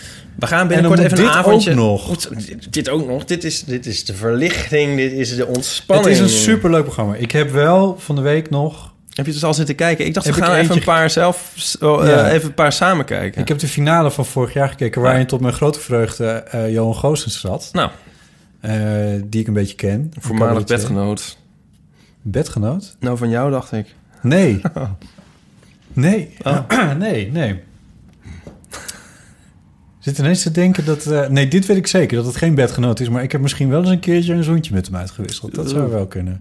Too much Maar het is gewoon een hele leuke jongen. Het is, het is echt een hele leuke gozer. Het is heel lief. Oké. Ehm, hoe kom ik hier nou weer op? Nou, dat heb je zitten kijken. Ja, en toen dacht ik... oh, het is wel echt een heel leuk programma. Het is ook een heel leuk programma. Totdat ik me realiseerde dat ik het dan zelf moest gaan doen. Toen ja, dacht dat ik, is heel eng. oh dat is ook heel eng. Ik vind het ook heel doodeng, maar het wordt wel heel we leuk hebben de titel nog niet eens genoemd, hè? De tafel van taal. Heel goed. Hulptelevisie. Nee, want er was, was nog een heel verhaal met een eh, patholoog-anatoom. Maar als we dat ook nog gaan doen... Nee, dat, was van de NPO. Alsjeblieft. Alsof de eh, RTL alles verkeerd doet. Maar NPO is eh, net zo... Nee. Ik, heb, ik, heb ik kijk niet veel tv, maar ik kijk, ehm, ik kijk wel Wie is de Mol. Nou, ook weer random. Dat is ook zo'n woord, hè, random. weet je dat de derde keer een aflevering van heb? Nee, ja, ik heb het vorig jaar voor het eerst gekeken en nu... Maar Nico vindt het heel leuk en ik schrik mij dan. Maar ik vind, ook, ik vind het ook leuk nu om te kijken. Het zijn van die dingen, dan denk je van, nou, dat... Het zal wel, maar dan als je het dan gaat kijken... dan is het ook eigenlijk toch inderdaad wel leuk. want- Snap je? Want nee. Of ja, want. Nou, maar ik wilde eigenlijk iets anders zeggen. Want ik heb een ander programma gekeken... wat ik dus echt heel erg leuk vond... en heel erg razend interessant. Dat was Rot op met je religie van de EO. Vijf Die titel fascineerde me vanwege de afzender. Ja, En toen dacht ik... Ja, ik ga het gewoon niet kijken, want ik heb helemaal geen zin in religie. nou, het was een fantastisch programma... en ik, ik zou iedereen aanraden dat terug te kijken op Uitzending Gemist... als dat nog kan. Want Omdat het gewoon ontzettend boeiend... Ja, het is ontzettend Want? entertainend en boeiend. Het, de opzet is dat er eh, zes mensen twee weken in huis zitten... en dat hebben ze gecomprimeerd tot vijf afleveringen... van een half uur, geloof ik. Er werden vijf werkdagen achter elkaar uitgezonden. Het zijn twee christenen, twee atheïsten... een Joodse vrouw en een moslimman... En ehm, die hebben, moeten dus met elkaar stellen. Maar die zitten niet alleen maar in dat huis als een soort Big Brother. Die worden de hele tijd op excursie meegenomen door de programmaleiding. ja. Ehm, en de presentator dan. Naar enerzijds soort heel erg eh, eh, eh, dingen die met geloof te maken hebben... en anderzijds juist met het seculiere leven. Dus ze gaan bijvoorbeeld naar een eh, islamitische school... en naar, het eerst, naar een vrouwelijk SGP-raadslid... Ehm, maar ze gaan ook naar de Wallen en naar de reguliere Dwarsstraat. Ze gaan naar een heavy metal concert, naar een jongensbesnijdenis, naar het slachthuis. Echt allemaal afschuwelijke dingen. zijn Waarom ook allemaal afs- godsnaam Het zijn ook allemaal afschuwelijke dingen. Ja, eh, eh, waarom zou je daar naar moeten kijken? Ja, ik vond het dus heel erg interessant om te zien hoe die mensen reageren. Hoe je daarop... Ik bedoel, uiteindelijk moest ieder, moesten al die mensen zich verhouden tot al die dingen. En ehm, ik denk dat het een programma is dat weinig mensen zal, van mening zal doen veranderen. Maar ik vond, ik vond het in ieder geval fijn om te weten dat ik... het sterkte mij in mijn mening. Nou ja, Kan ik het zo zeggen? Ja, dat vind ik echt het slechtste effect wat een programma kan hebben. Dat is echt het tegenovergestelde wat er moet gebeuren. Nou, ik weet het en ik weet niet wat het met andere mensen doet. Nee, dat weet ik ook helemaal niet. Nou, ik bedoel, ja, god, in mij krijg je niet gelovig meer.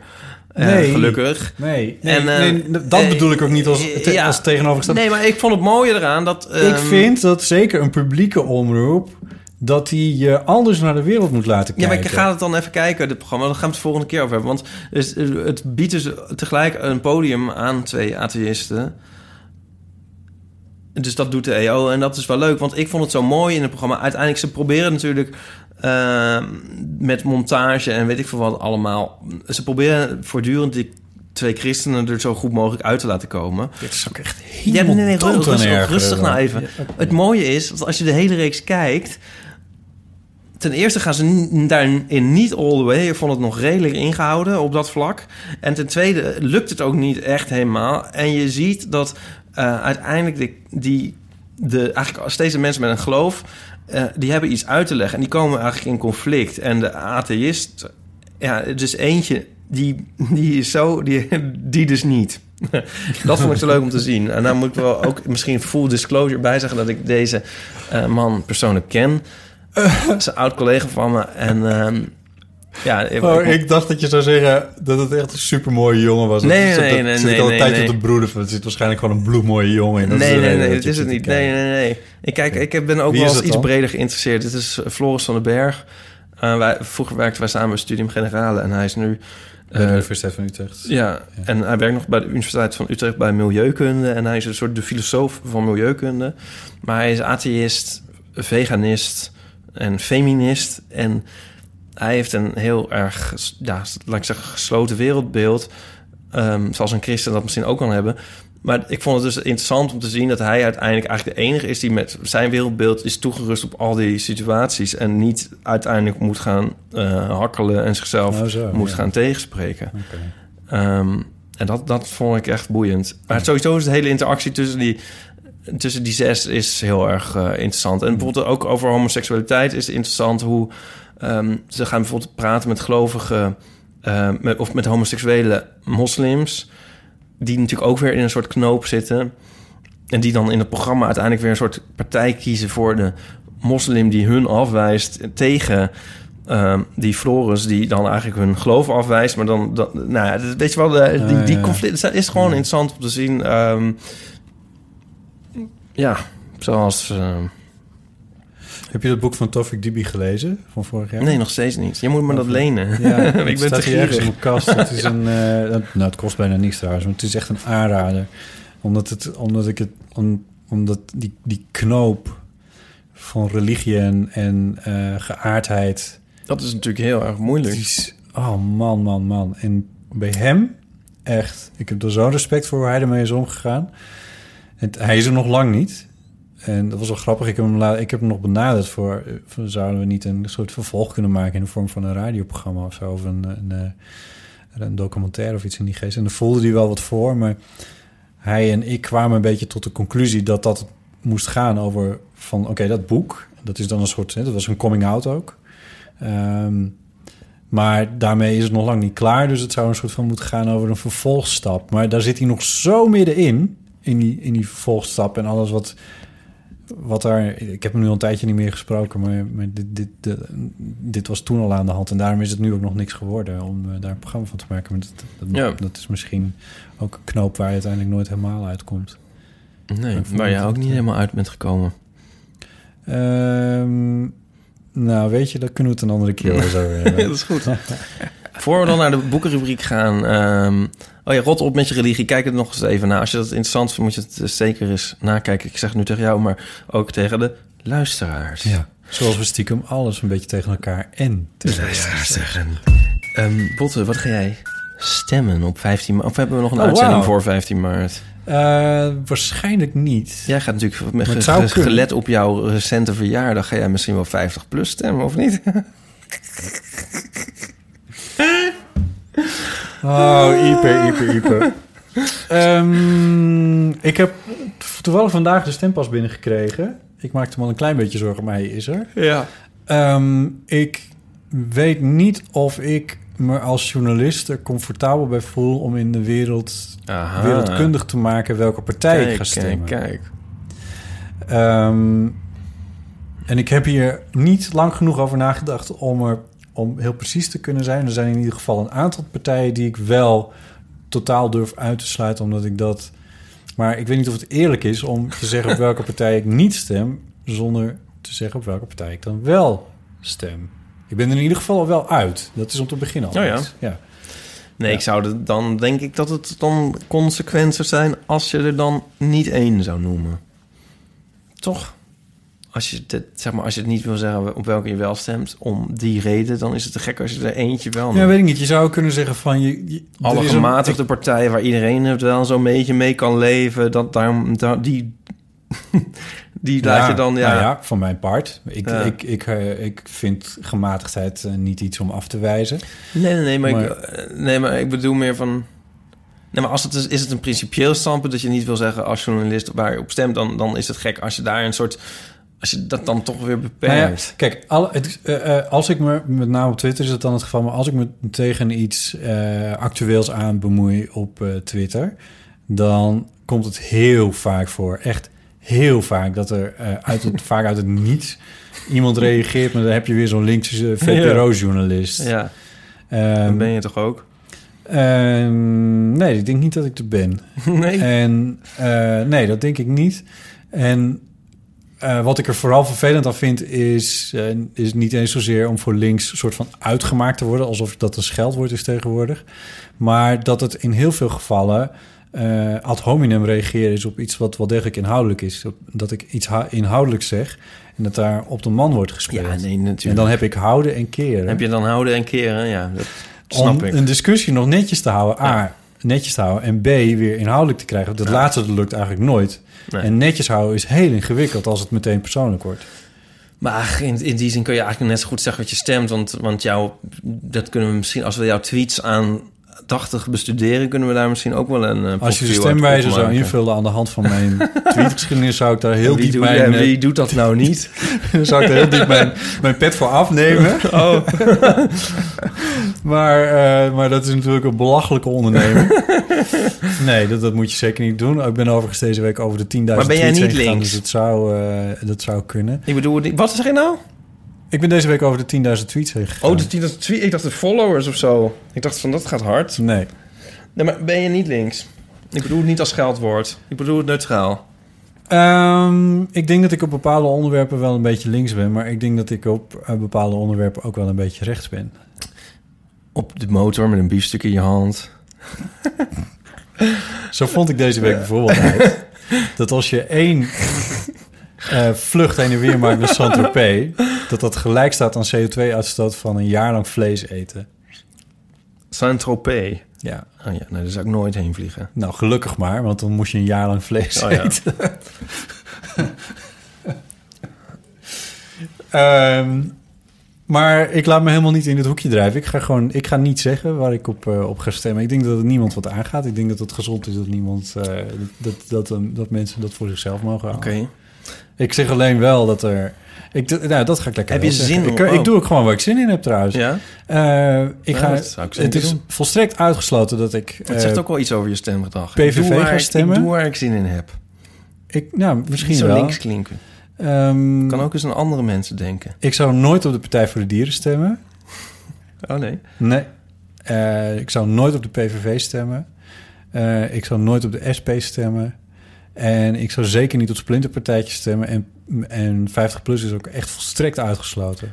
En de religieuze partijen? Nee, CDA? absoluut niet. Nee, CDA, zelfs CDA niet. CDA Dus is de meest gematigde van alle Dat heb ik nog religieuze partijen. D66, GroenLinks, PvdA, VVD. En dit is waar de discussie op houdt. Het is vier. En jij dan? Dit weten we al, want je hebt al... Ik dacht dat je... Ik dacht, hé, kijk nou, eindelijk is die wedervraag. De enige reden dat ik die vraag aan jou Nee. stel natuurlijk. Je Nee, hebt al een meer dan een maand heb jij op al je profielfoto's de, hoe heet zo'n ding? Ja. Banner? ja, hoe heet dat? Sticker van eh, de Partij voor de Dieren heen geplakt. Ja. Dus wel overtuigd Marianne Thieme adept. Madeleine. Dus Dit is, dit, dit is nou op de man, of in dit geval de vrouw spelen. Dus omdat ik Partij van de Dieren stem, ben ik een Marianne Thieme adept. Ja. ja. Nee, ik stem kwam trouwens erg goed uit bij, eh, bij Buitenhof eh, onlangs. Oh ja, ja. dat heb ik dan weer niet gezien. Ja, Ehm, durf ik dan toch wel weer te zeggen. nou, dat is fijn. Ik heb, er- ik heb ook wel een gu- gunstige indruk van haar. Maar Ik ik, niet, ze is een religieuze gek. Mm, ik, ik heb een gunstige indruk indruk van haar als politica. Als je me even dat uit, uitspreken. Voort ben ik van mening. ja. ja, maar iemand moet toch ook iets doen? Eh, ja. Nou, ja, anyway. verder doet helemaal niemand wat. Nou ja, niemand gaat hierin zo ver natuurlijk. En ehm, Voor de diertjes bedoel je? ja, en dat wordt toch wel eens tijd. Het is gewoon, eh, het is gewoon te gek wat er aan de gang is. Dus ik, ik In de bio-industrie. ja, ja. Dus ik vind het ook eigenlijk wel een opluchting dat ik daarop kan stemmen. Ja, het is een one-issue-partij, hoor ik van mensen. En dat is ook zo, maar er is ook eigenlijk... Eigenlijk, als je er, als je er diep over nadenkt, is er eigenlijk ook maar...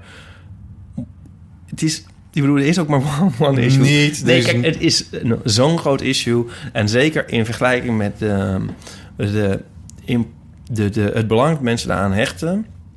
is het dat, dat is totaal scheef. Er is iets zo geks aan de hand waar eh, zo weinig aan gebeurt... dat ik, dat ik denk van, nou, dan, daar wil ik... Is dat zo? Ja, dat vind ik echt, ja. En ik... ik eh, dus zijn, ik heb me helemaal niet eens verdiept in de, in de, in de, in de laat ik zeggen, de financiële paragraaf van de Partij van de Dieren. Daar gaat het me eigenlijk helemaal niet om. Stuur, sturen een, eh, een, eh, ze laten het niet doorrekenen door het CPW. Ah ja, nou ja. Maar ik bedoel eigenlijk, het is een one-issue partij, af. maar ik stem ook vanwege dat, dat one-issue stem ik op. Maar waarom stem je niet gewoon op GroenLinks? Die is, die is bekend hetzelfde. Die, nou, dat, dat, ja, dat heeft ook weer andere. Er zijn ook weer redenen om niet op een partij te stemmen. Ja, maar dan heb je in ieder geval niet one issue. Nou, maar ik geloof dat... een- Nee, maar ik vind het goed dat... eh, ik, vind, ik vind het dus goed dat de Partij van de Dieren dit issue op nummer 1 zet. Dat vind ik ook echt goed. Waarom zijn die dieren voor jou zo belangrijk? Ja, god, nu gaan we over het uur heen natuurlijk. Ja, flink al. Oh. Ja, ben ik er wel helemaal aan toe. Ik moet nog naar de boekenrubriek. Ja, waarom is dat zo Waarom wil belangrijk voor mij? niet beantwoorden? Nee, ik wil het wel beantwoorden, Kom maar dat is nu, nu wordt het opeens dan zo serieus. En, ehm, Het is hartstikke serieus. Ja, het gaat ja, over ja, welke ja. partij je gaat stemmen. Nee, ja, nou, nee, ja, nee, maar het, het wordt een... Waarom is dat zo belangrijk? Omdat het... Ik bedoel, dit, waarom niet? Omdat die dieren, die Nee, nee. worden ontzettend onderschat door ons. En die worden op... Dat is gewoon misdadig wat er aan de hand is met dieren. Mhm. Nou, dat is... Dat is Ken jij de ins en de outs van de bio-industrie?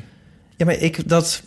eh, die hoef je niet Vertel nou eens te gewoon eens een keer een verhaal. Vertel, als ik je zo'n vraag stel, dan moet je toch gewoon zeggen van... ja, maar ik ga dus naar... ik ga dus met mijn vriendje naar, eh, naar de, de kinderboerderij bij... eh, hoe heet dat ding? De geitenboerderij bij, het, eh, bij de bosbaan. En als wij daar rondlopen, dan raken wij zo ontroerd van die geiten die er zijn... van al die dieren die er zijn. En als ik een hond zie, dan word ik, word ik, raak ik ontroerd. Maar vertel je zo'n verhaal niet als ik die vraag stel? Nou, dat, dat- Dat is toch zo? Nee, maar jij stelt hem zo aanvallend.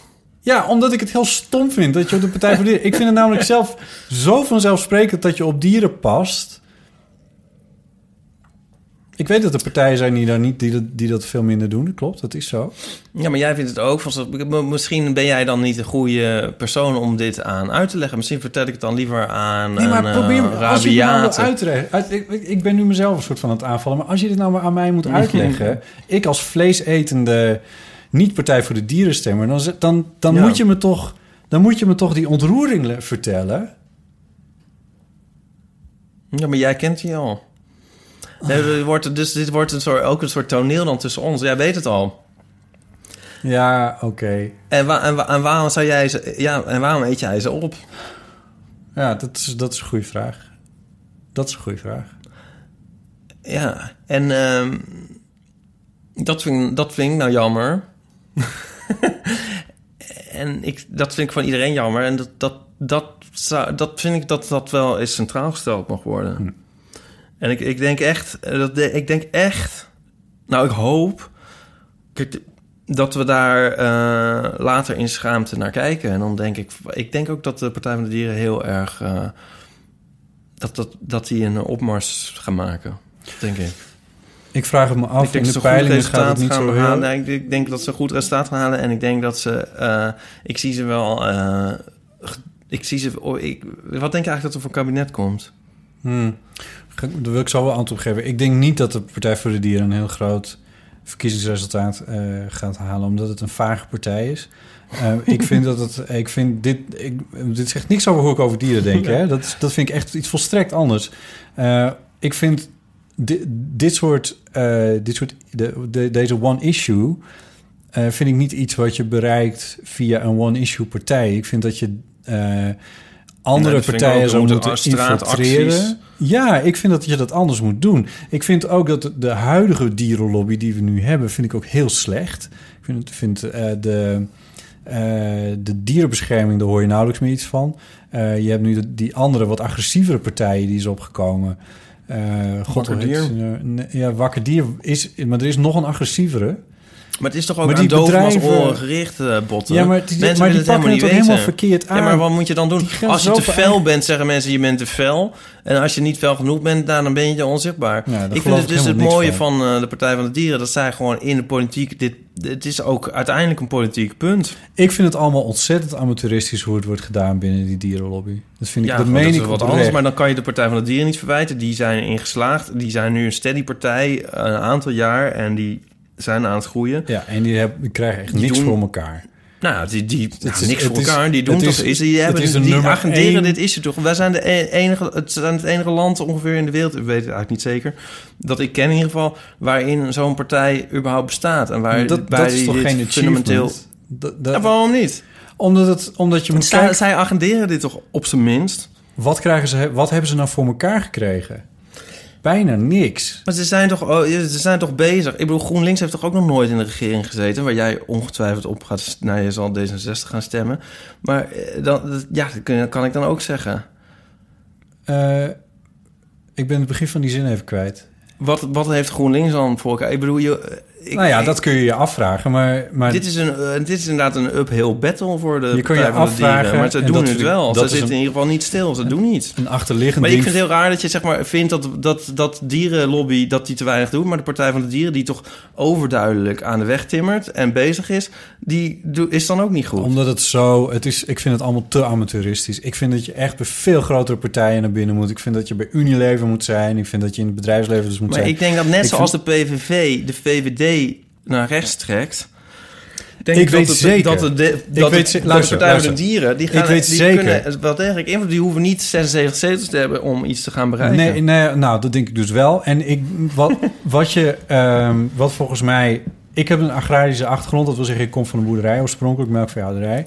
Ik weet zeker dat als die lobby goed was aangepakt... en als er serieus werk van, van, van was gemaakt... dat, eh, dat er een partij, een, een dieren... ehm, eh, de, de, de, zeg maar de dierenrechten eh, goed waren aangepakt via een bepaalde club. En dat, dat is niet de Partij voor Dieren en dat is niet Wakker Dier en dat is niet de, dierenbescherming voor hoe heet ze allemaal in Nederland. Dat het ze gelukt zou zijn om, eh, om compleet agrarisch Nederland achter zich te krijgen.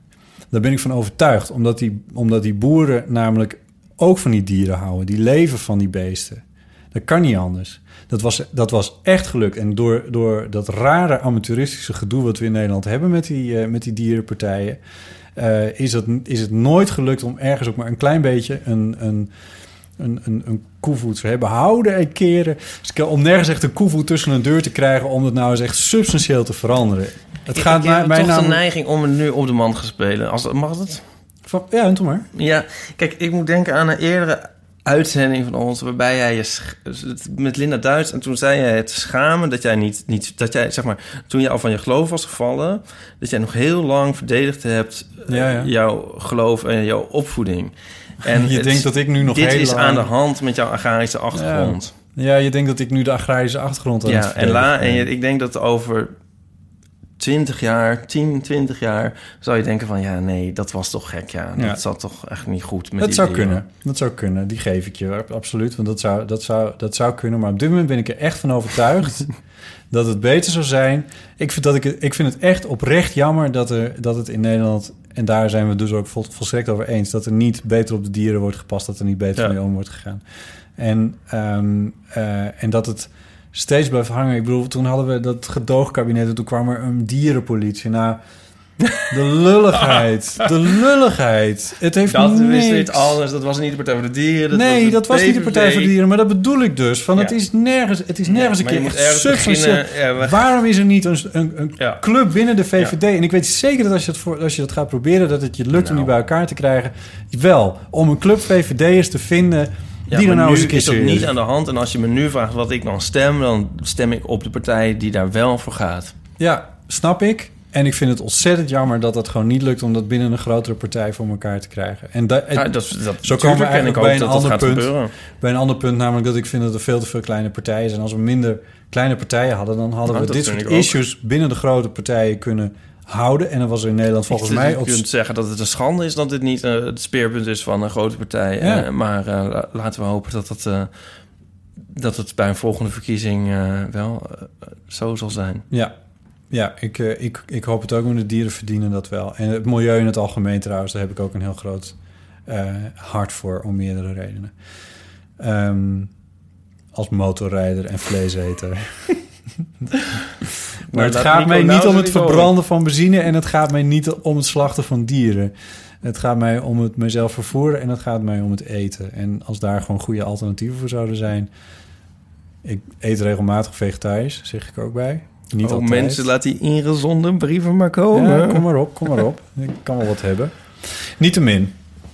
Hey, wat, wat zeg je ervan? Want ja, zijn, nee, die eh, boekenrubriek eh, daar heb ik nou geen zin meer in. Zullen we dat gewoon naar de volgende uitzending eh, tillen? Mag je nog wel even vertellen wat het was en waarom je het leest? Ja, nou ja, als ik dat ga doen, dan ga ik natuurlijk toch Nee. iets over vertellen. Anders doe ik het. ik lees, ik ben, ik heb het toch al eens over het bureau gehad hier. Ja. Ja, die- je hebt de hele serie en je... ja, ik ben nu bij deel 2. Oké, nou, heel goed. Ja, ik kan wel een stukje lezen. We kunnen wel een harmonie eindigen. Oh, dat is wel leuk. Ja, dit is zo mooi. Kijk, hij loopt dus door de stad. De hoofdpersoon van het bureau, Maarten Koning. Ik weet niet of mensen dit... eh, ik, vond dit zo treffend. Want het was een gevoel waarvan ik eigenlijk nooit had beseft dat ik het had gehad. Maar dat heb ik dus ook wel eens gehad. En ehm, ik doe gewoon één zin. Niet, eh, bij mij is het dan een soort mutatis mutandi. eh, speelt het zich af in Utrecht. Want dit is in Amsterdam gesitueerd. Maar ik... heb daar, ik woon er pas sinds kort. Hij wendde zich af, stak het spui over, rechtsaf langs de Lutherse kerk en de UB. Met een omweg terug naar het bureau. Met het gevoel dat hij in een andere stad woonde. De replica van een stad waar hij vroeger gewoond had, toen hij nog studeerde. Oh, Ken je dat niet? ja. Een gevoel, de replica van een stad waar hij vroeger gewoond had. Als je in een andere fase in diezelfde omgeving bent. En dat het is wel de stad, maar het lijkt net alsof... Zoals in, in Japan hebben ze toch, zeg maar, eh, het centrum van Utrecht ergens een soort Ja. nagebouwd. Ja. Nou, ik had het een beetje... Ik heb dus een paar colleges psychologie gevolgd. eh, en ineens zag ik Amsterdam als studentenstad. Ja. Volstrekt uit het lood geslagen... omdat ik natuurlijk absoluut geen student meer ben. Maar ik was het wel. Dit is andersom dus. Je kijkt echt ineens heel gek... Dat je, dat je op maandagochtend naar college fietst... Ja. dat je denkt... Eh, Ja. ja, ja. Mooi. Ja. Dankjewel voor dat mooie fragment. En wellicht kunnen we het volgende keer uitgebreider over eh, het bureau deel 2. Deze hoogst actuele roman uit 1992. Precies, fantastisch. Wat leuk. Ehm, Ik ben eh, helemaal doorweekt. Het is hier zo warm. Ja, het is hier warm, ja? Hoe dat god, nou? ik heb houden en keren. Ja, ik, de- ik denk dat het komt door die wind... waardoor mijn cv denkt dat het kouder is dan dat het eigenlijk is. Oh ja. Want er komt namelijk een beetje koude wind achter die cv vandaan. Ik, zal, ik had hem even lager moeten zetten. De- Hoe heet het? Niet de cv, maar de... Ik hoor die cv Thermostaat. heel erg op de opname. Hoor ik steeds die cv. Ja, dat weet ik, ja. Ehm, dank voor het meedoen, Ipe. Weer. Jij Weder. ook. En eh, dank voor het luisteren aan de luisteraars. Ehm, reageer vooral. Stuur een mailtje naar botten.bottenjellema.nl Eh Of eh, op iTunes kun je natuurlijk reageren. Ehm, en je, kan, je, je zit even te kijken hoe lang we bezig zijn. Twee uur en 24 minuten. Nou ja, het is 1 uur en 24 minuten. Hij begint altijd op 1 te tellen op een of Oh. andere rare manier. Ehm, ehm, wat zou ik nou zeggen? Er was nog iets belangrijks. Oh ja, als er iemand zin heeft om een logo te maken voor ons. dat zou ik heel Heel leuk die vinden. houten plank. Ja, maar dat is, dat is natuurlijk zo'n hele strip. En dat, ik heb een soort vierkant ding nodig. Een vierkant logo, waardoor wat, wat in iTunes mooi eh, Oh. past. Waardoor je in één keer ziet van, oh, dit is, oh, dat zijn zij.